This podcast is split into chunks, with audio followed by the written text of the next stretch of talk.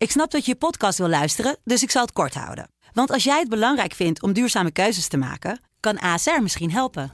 Nou hoor ik je denken, hoe dan? Nou, bijvoorbeeld bij het duurzaam herstellen van schade. Of de premies die we beleggen volgens ons duurzaam beleggingsbeleid. Dat bepaalt waar we wel en juist niet in investeren. Wil je meer weten over welke duurzame keuzes ASR maakt? Ga dan naar asr.nl slash duurzame keuzes. ASR doet het.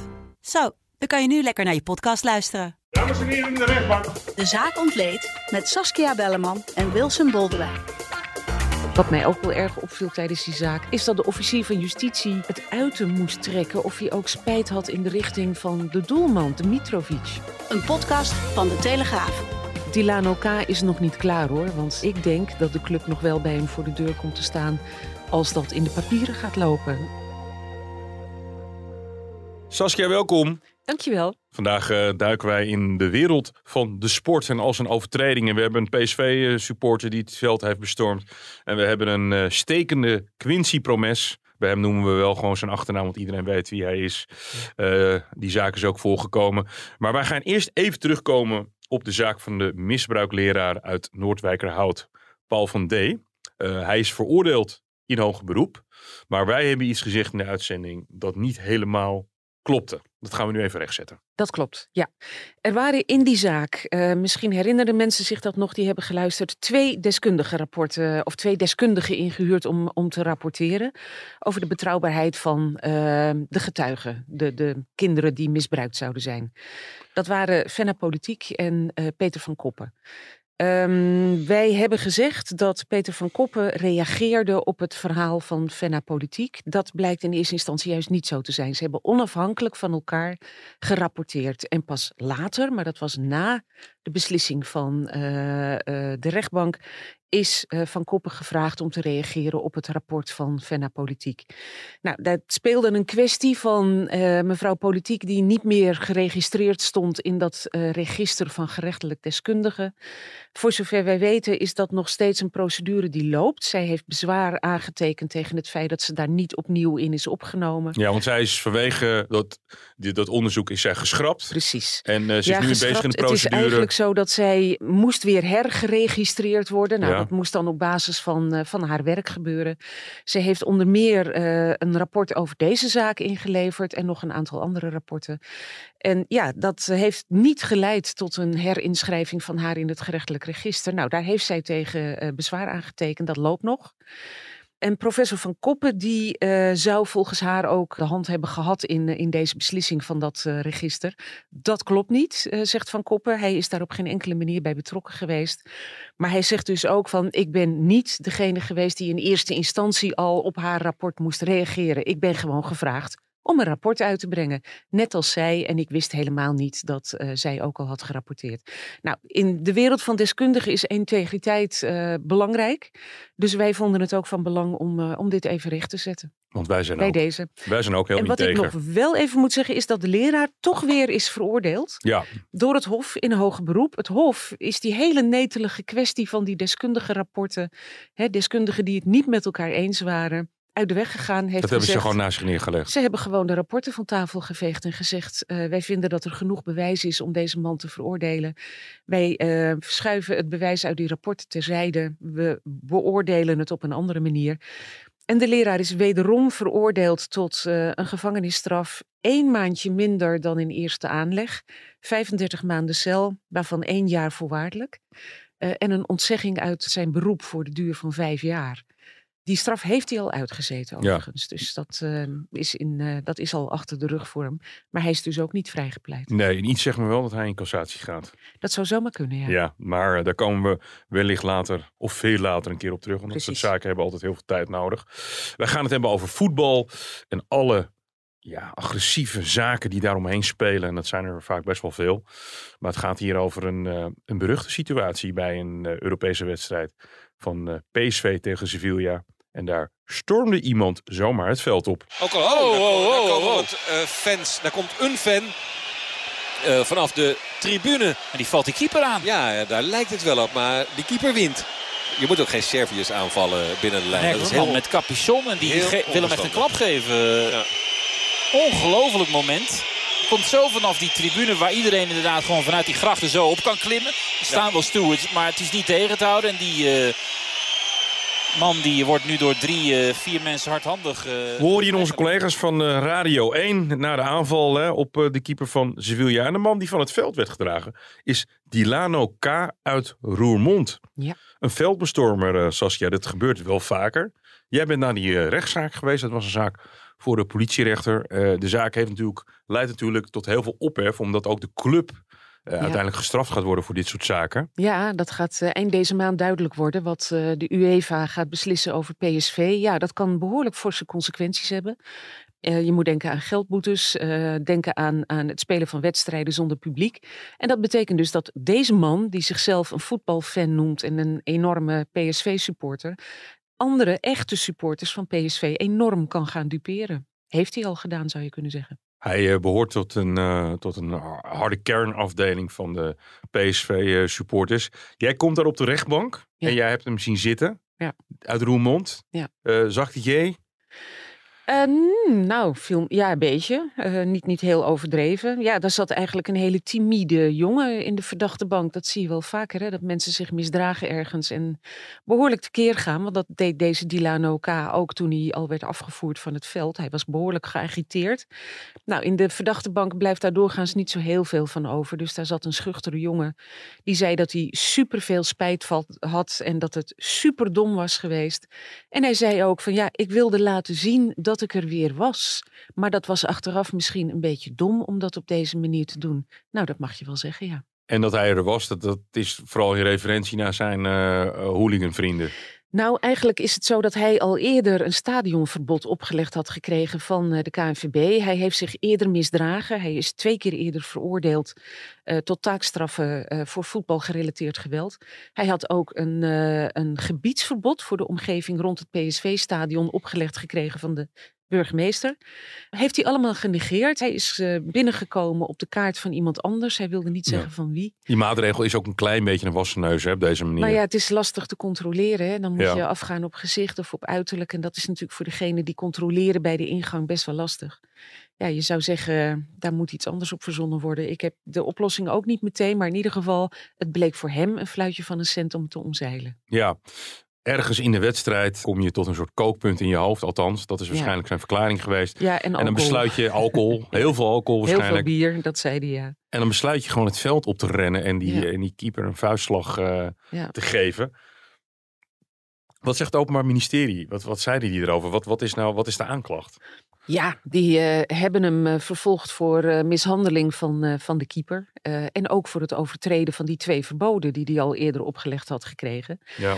Maar de officier van justitie, en dat deed later ook de rechter, tilde wel heel zwaar aan het feit dat ja, deze man kennelijk hardleers is, maar ook nog eens een keer uh, voor echte supporters het voetbalplezier vergalt. Iemand ja. die gewoon het veld opstormt. Het was weliswaar in de 92e minuut, geloof ik, bijna voor het einde van de wedstrijd, maar desalniettemin.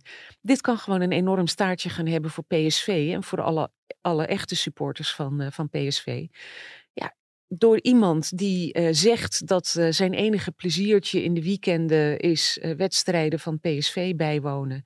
Hij beschouwt zichzelf als een enorme fan. en het enige wat hij doet is zijn club enorm schaden. Daar komt het wel op neer. Ja, niet alleen zijn club, want we gaan zo direct even luisteren naar, naar de trainer, hè, naar de voorzitter van de supportersvereniging en, en trainer Ruud van Nistelrooy. Maar ehm, zijn familie heeft ook allemaal gedoe hè, nu. Ja. ja, er zijn bedreigingen gekomen, niet alleen aan het adres van Dilano K, maar ook zijn familie. Die worden echt enorm bedreigd en geïntimideerd. Ja, het, uh, het valt niet goed te praten. Uh, moet je nooit doen natuurlijk, het lost ook niks op. Familie heeft er niks mee te maken. Die hebben ook via advocaat Paul Saris hebben ze een verklaring laten voorlezen. Althans de moeder van Dilano K. Die schetst dan een beeld van een ontzettend lieve jongen. Ja, zonnetje in huis, altijd in voor een grapje. Maar dit was nou niet bepaald een grapje. De familie zegt: wij herkennen ons niet in de, het beeld van de Dilano die daar het veld op stormde. Uh, we waren met stomheid geslagen dat hij dat deed. En ja, zij ondervinden hier nu ook de, de akelige gevolgen van. Ja, ehm, zijn moeder, hè, die verklaring werd voorgeleid. Het is voor de politierechter, dus de zaak is, wordt dan niet heel uitgebreid uh, Nee, het was ook een snelrechtszitting. Ik denk dat uh, het OM heel erg uh, het idee had, we moeten dit zo snel mogelijk voor de rechter brengen. Je moet je voorstellen, die beelden van die aanval op Marco Dmitrovic, de doelman van Sevilla. Het valt allemaal zo lastig te ontkennen. Ja, het is niet te ontkennen, dat probeerde hij ook niet eens nee. hoor. Maar die beelden zijn de wereld overgegaan. En ja, dan heb je een verdachte in de verdachtebank zitten die zegt van uh, ik ben het hek overgeklommen en het veld opgestormd. Maar hij zegt dat hij zich niets kan herinneren van die vuistslag. Ja, dat is dan wel weer een beetje gek. Hij zegt, voordat ik wist wat er gebeurde, lag ik op de grond en werd ik afgevoerd door stewards. En ja. hij ontkent dus dat hij zich die vuistslag nog kan herinneren. Maar ja, die valt natuurlijk niet te ontkennen. Het is helder te zien op alle beelden die ervan zijn verspreid. Ja, ik wil iets meer persoonlijk over hem. Hè? Want mm -hmm. die jongen is bezeten van voetbal. Blijkbaar was dat zijn enige uitlaatklep uh, ja. in het leven. Dan ga ik een soort psychologie van de koude grond van... Hij leidde een heel uh, braaf burgermansbestaan. Ja. En daar komt alles in één keer tot uiting. Wat, wat, wat is er bekend wat voor werk hij deed? Volgens mij is hij ja. zijn werk ook kwijt. Ja, hij is uh, op staande voet ontslagen. Hij werkte bij een supermarkt. Uh, hij had uh, zijn heftruckdiploma gehaald. nou, hij had gewoon een, een reguliere baan. Verdiende normaal zijn geld, maar heeft kennelijk ook wel een probleempje met drank. Want hij was gewoon dronken toen hij in het stadion zat. Of hij pas in het stadion heel erg is gaan zuipen of daarvoor al, dat is me niet helemaal duidelijk geworden. Maar hij zei wel dat hij dronken was. Maar ja, dat is dus geen excuus. Dat heeft de politierechter ook heel duidelijk gezegd. Je bent zelf verantwoordelijk voor wat je inneemt. En of dat nou drank of drugs is, je doet het zelf. Dus dat kun je niet als excuus aanvoeren. Maar hij is dus wel op staande voet ontslagen. Dus ja, dat hele brave burgermansbestaan van hem, dat uh, ligt op de, op, de, op de helling nu. Ja. Hij, hoe, hoe ligt hij bij die harde kern van PSV? Nou, ook daar is hij uitgegooid. Uh, Boys from the South heet die club. Boys from the South. Hele fanatieke PSV-supporters. Maar ja, die zaten ook niet te wachten op dit soort negatieve publiciteit. Dus die hebben hem ook aan de kant gezet. En Dilano K. zelf zei tijdens de zaak uh, in de rechtbank van Den Bosch... ja, als, als ik er al niet uitgezet was, dan was ik er zelf wel uitgestapt... Hè, om te ontkomen aan groepsdruk en beïnvloeding. Waarmee hij dus eigenlijk een beetje de schuld probeerde te schuiven op zijn medesupporters die hem uh, onder druk zouden hebben gezet. Ja, dat staat hem niet zo netjes, moet ik eerlijk zeggen. En nee. wat mij ook wel erg opviel tijdens die zaak, is dat de officier van justitie het uit hem moest trekken of hij ook spijt had in de richting van de doelman, Dmitrovic. Hij heeft hem een behoorlijke vuistslag gegeven. Is daar nog um, een verklaring van voorgelezen, of wat dan ook, van de keeper? Nee, want die heeft geen aangifte gedaan. Dat had niet zozeer te maken met het feit dat hij het niet ernstig vond, maar dat hij meteen na de wedstrijd onder de douche moest en meteen naar het vliegtuig moest. Ja, hij heeft dus, uh, er is geen kans geweest voor de politie om hem te horen. Er is dus geen aangifte gedaan. Uh, maar ja, dat doet er niet toe. Iedereen nee. heeft kunnen zien wat er is gebeurd en het Openbaar Ministerie kan zelfstandig besluiten om iemand voor zoiets te vervolgen. Laten we even naar de reacties luisteren van de supportersvereniging PSV. Dat is Rob Bogaerts. En van de coach van PSV, Ruud van Nistelrooy. Ja, dat, uh, dat willen we niet zien. Nee, natuurlijk niet. Als een, uh, spelers die, uh, die, die kunnen niet worden aangevallen door, door een supporter. On, on, ondenkbaar. Ik denk niet eens meer aan die wedstrijd, maar gewoon, wat doet hij daar? En hoe kan dat? En nou, al dat soort emoties komen op. Ik ben gaan zitten en ik dacht echt, jezus. Het is elke keer één incident, maar ja, het houdt niet op. Dylan K. die heeft uh, zijn club behoorlijk dwars gezeten. Want uh, je zei het net al, er komt een uitspraak van de UEFA. Die zijn uh, niet misselijk, dat soort straffen. In ja. 2011 hebben we het met Ajax AZ gehad. Hè, met een, een, een veldbestormer. Ja. die kreeg een half jaar cel, 10.000 euro boete en een stadionverbod van, van 30 jaar. Ja. Ja, daar, kwam, daar kwamen wel wat reacties op op Twitter. Mensen gingen dat met elkaar vergelijken. Waarom is die man nou zoveel zwaarder bestraft dan Dilano K? Nou, dat heeft ermee te maken dat die AZ-supporter, uh, ja, supporter, ik wil het woord eigenlijk niet eens in de mond nee. nemen, want dat is het natuurlijk niet.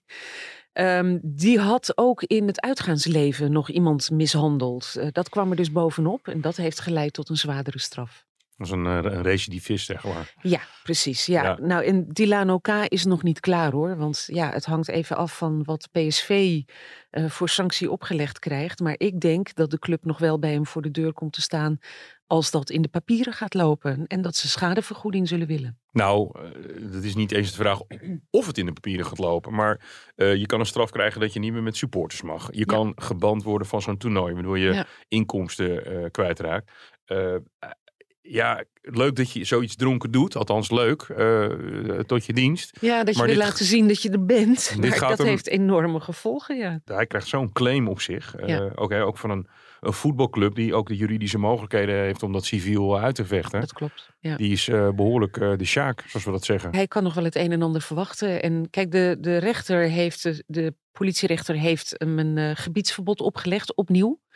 Eh, een stadionverbod kan niet worden opgelegd door de rechter. Dat moet de KNVB doen. Maar ja, dat zit er natuurlijk wel aan te komen. Ja, maar als hij, dat, als hij al deze consequenties hoort, hè, van je hebt het strafrecht wat op Ja. hem, eh, zich, op hem, eh, zich over hem heeft ontfermd, dan heb je ook nog straks de club. Ja. Je raakt je vrienden kwijt, je raakt afgesloten van, van dat clubje wat je had, Ja. wat blijkbaar je uitje was. Er blijft niet zo heel veel over voor hem. Nee, dat klopt. En eh, de, de, de spijtbetuiging die hij uitsprak, die leek ook eigenlijk vooral te gaan over de consequenties voor hemzelf. Hij vindt het vreselijk dat hij nu vastzit. Hij moest namelijk ook meteen weer achter de tralies. Ja, het leven is voor hem wel veranderd. Zijn lievelingsclubje, ehm, de eventuele huldigingen, wedstrijden. Hij kan het voorlopig allemaal op zijn, eh, op zijn buik schrijven. En misschien wel voor altijd. Ja. Kwam hij op je over als iemand die niet stiekem over een tijdje weer met iemand anders kaart eh, ergens zich weer gaat bevinden? Ja, ik kan natuurlijk niet zijn eh, gedachten lezen. Kijk, hij heeft dat één keer gedaan. Ondanks het feit dat hij al verboden had en er niet in mocht komen. Dus ja, het zou zomaar kunnen natuurlijk. En hij wilde niet zeggen wiens kaart hij heeft gebruikt. En ja, dat geeft ook wel weer een klein beetje te denken natuurlijk. Hoe lang gaat hij eh, achter de tralies? Hij gaat eh, zeker twee maanden achter de tralies. Hij kreeg drie maanden opgelegd, waarvan één maand voorwaardelijk.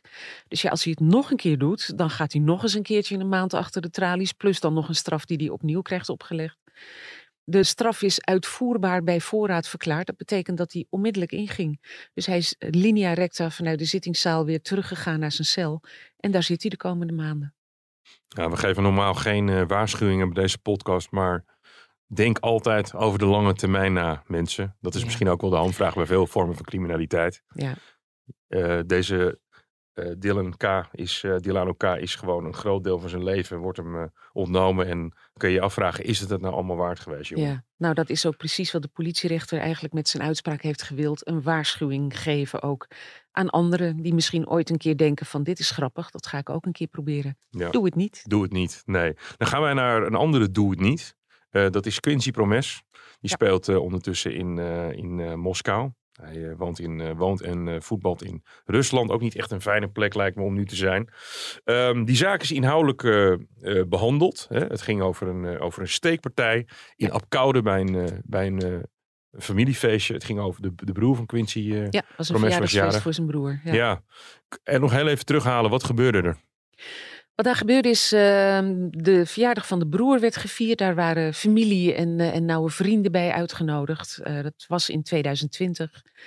Eh, en in de loop van de avond ehm, is daar, heeft daar een steekpartij plaatsgehad buiten de loods waar het feest was. Ehm, daar is de neef van Quincy Promes met een eh, mes in het bovenbeen gestoken en die is afgevoerd naar het ziekenhuis. En heeft nog steeds de gevolgen van eh, die steekpartij. Er is een pees doorgesneden die eh, hem nog steeds belemmert. eh, bij bijvoorbeeld hardlopen, dat kan hij niet meer. Hij is niet eens meer in staat om zijn veters te strikken, vertelde hij. Ja, dus hij heeft op alle mogelijke gebieden heeft hij, schade opgelopen. En ja, Quincy Promes heeft hem dat aangedaan, vertelde hij. Het duurde nog eventjes, want ik heb hier ook veel gesprekken over opgenomen met onze collega John van de Heuvel. Ja. Voordat echt mensen naar voren durfden te stappen en zeggen van, nou, ik heb gezien dat Quincy het was. Het moest echt eerst even vastgesteld Ja. worden dat hij de dader was. Ja. ja, en wat misschien ook meespeelde, dat bleek wel tijdens de rechtszaak, is dat iedereen binnen de familie natuurlijk ook gewoon hartstikke trots is op Quincy Promes en alles wat hij bereikt heeft in de voetballerij. En de gedachte van wat gaat dit voor gevolgen hebben voor zijn carrière, speelde ook mee. En dat vertelde ook het slachtoffer. Die heeft de eerste periode geen aangifte willen doen, omdat hij ook zei van ja, ik ben altijd een enorme fan geweest van Quincy. Ik had er alles voor over om hem te steunen in zijn carrière. Ehm, dus ja, dat was de reden waarom ik geen aangifte wilde doen. Wat ook nog meespeelde was dat hij op een gegeven moment bezoek kreeg van een aantal mannen die kennelijk, ehm, dat is niet helemaal duidelijk geworden, maar hij vermoedt door Quincy Promes op hem af zijn gestuurd en hebben geprobeerd om hem van het doen van aangifte af te houden. Ook al vanuit de gedachte wat dat voor gevolgen zou hebben voor de voetbalcarrière van Promes. Ja, wat, wat, wat zo opmerkelijk is aan deze, aan deze hele zaak, is dat je, je bent vrij vermogend. Althans, daar mogen we van uitgaan. Ehm, je hebt een neef die wil het eigenlijk buiten het strafrecht houden. En ik meen dat er ook aanbiedingen zijn gedaan. Van nou, je krijgt 10.000 euro. Uh, je krijgt uh, zoveel geld, de bedragen, die Ja. wil ja, ik de- ook een de- beetje van afwezen. De zus van, van het slachtoffer heeft een, een slachtofferverklaring namens hem voorgelezen. Die had het over een schamel bedrag dat Ja. werd aangeboden, gezien de schade eh, die is aangericht. Ja, het bedrag zelf is niet genoemd. Nee, maar je zou zeggen van, eh, joh, eh, je bent redelijk vermogend. Probeer het op zo'n manier op te lossen, want de rest is... Die, die, dat, verdien je, dat verdien je met voetballen wel weer terug, hè? Veel Dat rationeel zou je gedacht. zeggen, ja. Maar wat ook meespeelde was de overtuiging van Quincy Promes dat deze neef in 2016, ja, dat is dan vier jaar eerder geweest, een ketting, een dure ketting ter waarde van 3000 euro zou hebben gestolen van een tante van Quincy Promes. En tijdens een, een gesprek dat werd afgeluisterd door de politie, heeft Promes tegen zijn vader gezegd: Iemand die van mijn tante steelt, die maak ik dood. Iemand die van mijn vader steelt, die maak ik dood. En iemand, of die maak ik af, heeft hij letterlijk gezegd. En iemand die van mijn moeder steelt, die maak ik af. Punt uit. Eh, dus die kwestie van die ketting, die speelde. Tijdens dat feest is er een incident geweest waarbij deze neef, het slachtoffer dus, een ketting van, van de nek van iemand zou hebben getrokken. Hij zegt zelf, het was een ongelukje. Maar Quincy Promes zag dat kennelijk wat anders. Nou, dat stapelde op. Nou, tel daarbij op dat er ongetwijfeld ook wat drank in het spel zal zijn geweest. Dus ja, dat leidde tot een soort explosie van woede en emoties eh, buiten die loods waar dat feest werd gehouden. Eh, dat slachtoffer is op een gegeven moment achterover gevallen. Die, die werd aangevallen met dat mes, die deinsde achteruit. Want was de bedoeling om in zijn nek te raken. Dat is wat Quincy Promes in die afgeluisterde gesprekken heel duidelijk heeft gezegd. Ja, hij wilde hem in de nek raken. Eh, hij had mazzel, zei eh, Quincy Promes letterlijk, dat, eh, dat die jongen was gevallen en dat hij in het gras was gaan liggen. Maar hij had de bedoeling om hem in de nek te raken. Dus het is ten laste gelegd als een poging moord dan wel doodslag. Ja, Ja, en dat duidt er toch op dat Quincy Promes heel wat ernstiger gevolgen voor ogen had dan die er uiteindelijk zijn ontstaan. Quincy, Quincy Promes bleek achteraf afgetapt eh, te worden om iets Ja. heel anders. Ja, hij bleek verdachte te zijn in een groot drugsonderzoek. Dat was de reden waarom hij werd afgeluisterd. En op die manier kwam de politie erachter dat zich een steekpartij had voorgedaan. Daar wist men niks van, omdat er, ja, er was geen aangifte gedaan. Hè. Familieleden dachten we regelen dat onderling wel. Maar uiteindelijk op die manier bleek dus dat er sprake was geweest van een steekpartij. En daar is de politie vervolgens mee aan de slag gegaan. En die kwamen terecht bij deze neef en bij allerlei getuigen die ze op een gegeven moment ook hebben gehoord. En ja, toen bleek wat zich had afgespeeld. Ja, de zaak kwam naar buiten, hè, ook eh, via de Telegraaf. Ja. En Quincy Promes eh, speelde op dat moment gewoon in de Amsterdam Arena. Die speelde Ja. eh, bij Ajax. Had een redelijk succesvolle carrière in het buitenland gehad. eh, onder andere in Rusland. En besloot eigenlijk heel snel ehm, ja, opnieuw naar Rusland te vertrekken. Ja. Is, daar, is, er, eh, is, er, is er voor in de, eh, tijdens de rechtszitting iets gezegd van dat hij heeft hij puur gedaan omdat? Nou nee, dat is niet gezegd. Dat, dat dachten natuurlijk heel veel mensen Ja. wel. En hij was er ook niet tijdens de rechtszaak. Ja, en volgens zijn advocaat Robert Malewitz was dat eh, omdat er tot het laatste moment eh, onderhandelingen zijn geweest met het Openbaar Ministerie. Over eh, het feit dat het Openbaar Ministerie hem ook wilde gaan horen als getuige in dat drugsonderzoek. Ja. En Quincy Promes wilde de garantie hebben dat hij wel zijn contractuele verplichtingen tegenover Spartak Moskou kon nakomen. En wilde dus weten van ja, als ik kom om gehoord te worden als getuige en die rechtszaak bij te wonen, krijg ik dan wel de garantie dat ik weer terug kan naar Moskou. Nou, die garantie kreeg hij niet. En ja, zei Robert Malewitz, toen heeft hij voorrang gegeven aan zijn contractuele verplichtingen. En heeft hij besloten om niet voor de rechtszaak naar Nederland te komen. Ja, daar kun je zo je gedachten bij hebben natuurlijk, maar dit is de officiële lezing. Het is hoe dan ook een, eh, een familietragedie. We hebben ook nog heel even het fragment van die zus van het slachtoffer waar jij net al naar refereerde. Ja, ik kan inderdaad weer lopen, maar ik kan niet rennen. Ik kan niet hurken en zomaar even bukken om mijn fetus te strikken, kan ik niet. Ik zou daarmee voor altijd moeten leven. En ik hoop dat ik ergens de kracht vind, zodat de kracht die ik ooit had weer terugkomt. Jij hebt letterlijk en figuurlijk scheid aan de hele familie en denkt alleen aan jezelf en je eigen hachie. Het gaat zelfs zo ver dat jij je eigen ouders voor je laat liegen en mensen voor je karretje spant om buiten schot te blijven. Eh, er is een eis. Twee jaar cel. maar niet voor een poging moord dan wel doodslag. Dat verbaasde iedereen wel een beetje. De eis is gebaseerd op uh, zware mishandeling tijdens dat feest. Uh, omdat het Openbaar Ministerie zei van ja, een steek in het been leverde geen levensgevaar op. Nee, terwijl je de intentie hebt gehoord. Exact. Op de, ja. op, de, op de tap. Ja, dus eigenlijk was iedereen daar wel een beetje verbaasd over in de zaal. Omdat wij toch allemaal het gevoel hadden van ja, als je tijdens al die gesprekken, en dat is er niet één, hè, dat zijn er meer, aangeeft dat je de bedoeling had om die neef in de nek te steken, dat hij geluk had dat hij achterover was gevallen, dat je mensen die uh, stelen van jouw familie uh, afmaakt, punt uit, weet je, dat soort teksten.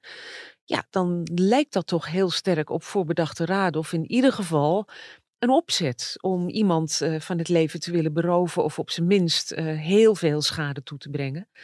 Ja, en het Openbaar Ministerie zegt van, nou nee, dat zien wij anders. Wij zien geen poging moord, wij zien ook geen poging doodslag.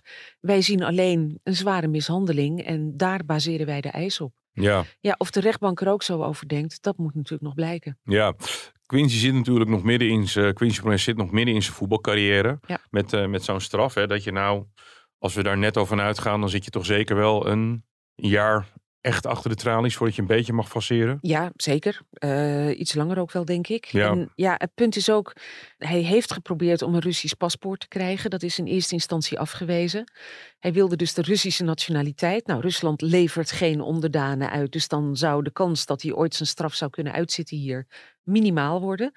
Nou, na de afwijzing van die aanvraag heeft Spartak vervolgens een, uh, ik geloof heel recent, twee dagen geleden, een nieuwe aanvraag ingediend voor Quincy Promes om hem tot Russisch staatsburger te maken. Quincy Promes zelf zegt dat hij dat niet heeft gedaan, maar ja, Spartak zegt wij willen uh, dat hij in staat is om ook mee te gaan op buitenlandse trainingskampen, want dat is natuurlijk wel een punt. Zijn internationale voetbalcarrière, Um, ja, als hij veroordeeld wordt, kan hij die gedag zeggen. Want op het moment dat hij een voet over de grens zet, hij staat dan internationaal gesignaleerd, kan die worden opgepakt en belandt hij alsnog achter de tralies. En dan kan hij gewoon hoe dan ook niet meer spelen. Ja, ook al heeft hij straks een Russisch paspoort, hij blijft voor ons gewoon iemand met een, een, een Nederlandse identiteit. Ja. ja. precies. En hij is veroordeeld in Nederland. Dus ja, dan kan hij de grens niet meer over. En dan, hè, dat, dat zag je ook in dat MH17-proces. Het gaat om Russische staatsburgers die zijn veroordeeld. En één Oekraïner.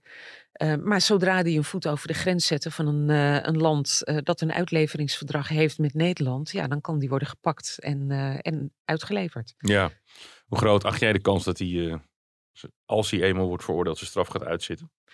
Nou, voorlopig niet zo heel groot. Aan de andere kant, ja, als het hem niet lukt om dat Russisch staatsburgerschap te verkrijgen en hij gaat een keer op familiebezoek of hij gaat toch een keertje mee naar een trainingskamp, dan neemt hij een levensgroot risico. Uh, dat hij alsnog wordt opgepakt. Dus ja, hoe dan ook, uh, belemmert hij zichzelf natuurlijk ook enorm in, uh, in zijn toekomst, zijn voetbaltoekomst. Dit was de zaak ontleed voor deze week, die in het teken stond van voetbal en het terugkomen op een eerdere uitzending van ons. Saskia, dankjewel. Graag gedaan. Dit was, uh, zoals ik al zei, de zaak ontleed voor deze week. Vindt u dit een leuke podcast? Laat u dan een recensie achter, afhankelijk van het platform waarop u dit luistert. Mijn naam is Wilson Boldewijn. Tot de volgende keer.